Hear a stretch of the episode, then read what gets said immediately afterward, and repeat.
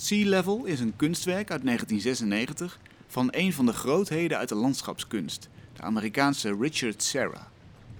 Hij liet twee betonnen muren plaatsen van elk 200 meter lang, in een rechte lijn, maar onderbroken door een ruimte van ook weer 200 meter en een kanaal dat tussen hen inloopt. De muren zijn opgenomen in het laagst liggende deel van Landschapspark De Wetering in Zeewolde en zijn precies zo hoog als het zeeniveau, het NAP. Lopend langs de muren ervaar je fysiek hoe hoog het water zou staan als we geen dijken hadden aangelegd. Hoogwaarschijnlijk een eenvoudige ingreep, maar wel eentje die precies de essentie van Flevoland aansnijdt.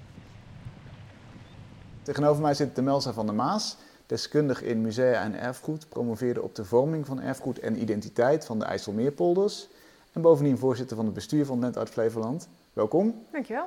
Ja, ik noemde het een eenvoudige ingreep, heel symbolisch. Is dat ook de manier waarop er hier in Zeewolde naar gekeken wordt en het, hoe het gewaardeerd wordt?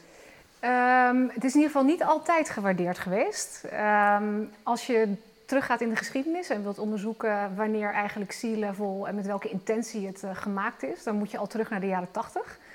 Ehm, toen was er een, een vereniging, een religieus-socialistische be beweging, de Woedbroekers. Die wilden hier in de bossen bij Zeewolde een vormingscentrum uh, bouwen, ja. waar je cursussen kon volgen.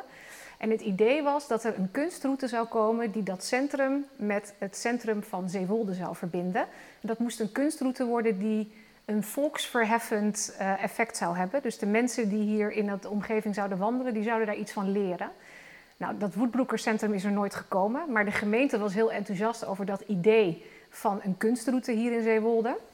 En die hebben dat omarmd, net als de Rijksdienst voor de IJsselmeerpolders. Uh, die hebben opdracht gegeven om daar een concept voor te laten maken. Dat is gedaan door Bas Maters in 1985 al. Uh, en daar is eigenlijk dit landschapspark, de Wetering, ontworpen. En meteen vanaf het begin af aan was het idee van daar moet ook een groot dragend kunstwerk in komen. Uh, en dat kunstwerk dat werd uiteindelijk Sea Level. Richard Serra kreeg al in 1989 de opdracht om dat ontwerp te maken. Um, maar het duurde nog tot 1996 voordat het er zou komen. Want al die idealen die kwamen al snel in botsing met de, de ruwe politieke praktijk. Geld had er heel veel mee te maken. Het was een heel duur kunstwerk om te, om te maken. Um, en dat idee van volksverheffing botste eigenlijk ook een beetje met dat pragmatisme wat hier in de polder uh, altijd geheerst uh, heeft. Uh, goed, uiteindelijk is het er gekomen. Maar je ziet dat eigenlijk het kunstwerk niet meteen omarmd werd. alle idealen ten spijt vonden mensen het ingewikkeld.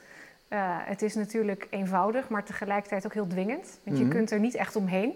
Je moet je bewegingen aanpassen aan het kunstwerk. En daar was niet iedereen even, even gelukkig mee. En het verhaal eromheen, want je zou kunnen zeggen dat is precies waar deze plek voor staat, waar deze provincie voor staat.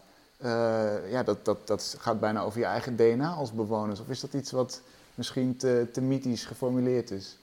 Ja, nou kijk, in mijn, in mijn onderzoek deed ik, uh, deed ik onderzoek naar de verhalen die hier in de polder verteld worden over het verleden. Die pioniersmythe van hè, mensen komen hier naartoe om iets nieuws op te bouwen zonder de last van het verleden, uh, die is heel prominent aanwezig en zeker in de kunst. Uh, het was ook een van de basisprincipes van de verbeelding, zoals dit landschapspark uiteindelijk, of het kunsttraject eromheen zou gaan heten. Hoe pionieren de mensen hier gevormd heeft. Um, en, dat zie je natuurlijk ook terug in, uh, in, in, in, de kunst die er uiteindelijk is neergezet. Maar voor heel veel mensen uh, is dat hier heel abstract weergegeven. Het is minimalistisch. Hè? Richard Serra staat ook bekend als een soort van meester-minimalist. Met minimale middelen maximaal effect proberen te bereiken. Maar voor heel veel mensen toch iets te abstract. Ja. ja, dat is grappig natuurlijk bij landschapskunst. Dat de, ja, je moet je ook uh, daaraan willen overgeven en je moet het er ook in zien. Je moet het ja. ook interessant vinden om het, het gedachte-experiment erachter aan te gaan. Uh, interessant in die context is wel dat er nu uh, een ander monument of een ander werk in ieder geval hier staat. Hè? dat is een, een, object wat nou, er misschien 100 meter vanaf staat. Een groot gedenkteken voor de geallieerde piloten die tijdens de Tweede Wereldoorlog zijn neergestort toen het nog Zuiderzee was. Uh, een grote metalen uh, wand van zeker twee meter hoog. Uh, de uitsparing van een vliegtuigpropeller en opdat we niet vergeten in grote letters. Ja. Er is niet zoveel protest over geweest. Nee. Wat zou het verschil zijn, denk je? het verschil zit hem in twee dingen. de Richard Serra en ook de kunstwerken die daarna in en rondom dit landschapspark gerealiseerd zijn, waren echt op initiatief van overheden en kunstprofessionals. Dus mensen die nou ja, weten hoe het hoort, zou ik maar zeggen. Die verstand hebben van kunst en die ook ja, beroemde kunstenaars uitzoeken die internationaal gerenommeerd zijn om hier een statement te maken. Uh, het monument waar je naar verwijst is eigenlijk een helemaal wat je dan noemt een bottom-up uh, initiatief. Dus uh, het, het, komt voort uit het initiatief van een lokaal iemand, een luchtvaarthistoricus, die vond dat het tijd werd om aandacht te besteden aan ehm, de slachtoffers die gevallen zijn gedurende de Tweede Wereldoorlog piloten die neergestort zijn in het IJsselmeergebied na bombardement op Duitsland onder andere. Ehm, en die hier dus gesneuveld zijn. Uh, die heeft daar ook via crowdfunding geld voor ingezameld. Uh, het kunstwerk is ontworpen door een, een landschapsarchitect en ontwerpbureau uit Zeewolde. Het is ook gemaakt hier lokaal. Ja, precies. Um, dus het is helemaal eigenlijk uh, bedacht en daardoor ook gedragen door de lokale bevolking, die nu een plek hebben om naartoe te komen die ze zelf bedacht en ontworpen hebben. En in dat opzicht um, gaat het een heel interessant gesprek aan met uh, de Richard Serra, waar het heel erg ging om idealen en verheffing, uh, maar wat heel erg botste met wat mensen eigenlijk lokaal wilden. Uh, en daartegenover staat dus een monument wat helemaal bedacht, gemaakt en gerealiseerd is door lokale bevolking. En dus eigenlijk meteen vanaf het begin af aangedragen wordt. dus dat is een hele interessante dialoog die, die hier in dat park plaatsvindt nu. Ja, en toch is het ook interessant om te zien, want er is nu een actie, uh, hashtag wat doet dit hier? Wat, wat vraagt eigenlijk van ja, reacties van omwonenden of mensen die er vaak langskomen. Wat vind jij van dit werk en hoe is het ingebed in jouw leven? En dan komt Sarah toch ook wel weer positief naar voren. Er komen toch ook positieve verhalen rondom. Dus ja. misschien zou je ook kunnen zeggen dat zo'n landschapswerk moet groeien, moet geworteld raken in de ja. omgeving. Ja, ik denk dat het zeker zin heeft om, om dat te beweren. Um, in, inmiddels staat het werk natuurlijk al 25 jaar, uh, de Sarah, de Sea Level. Um, dus het heeft tijd ge gehad om zich te settelen in de omgeving. Mensen hebben hun bewegingen erop aangepast. Ze komen het dagelijks tegen als ze de hond uitlaten.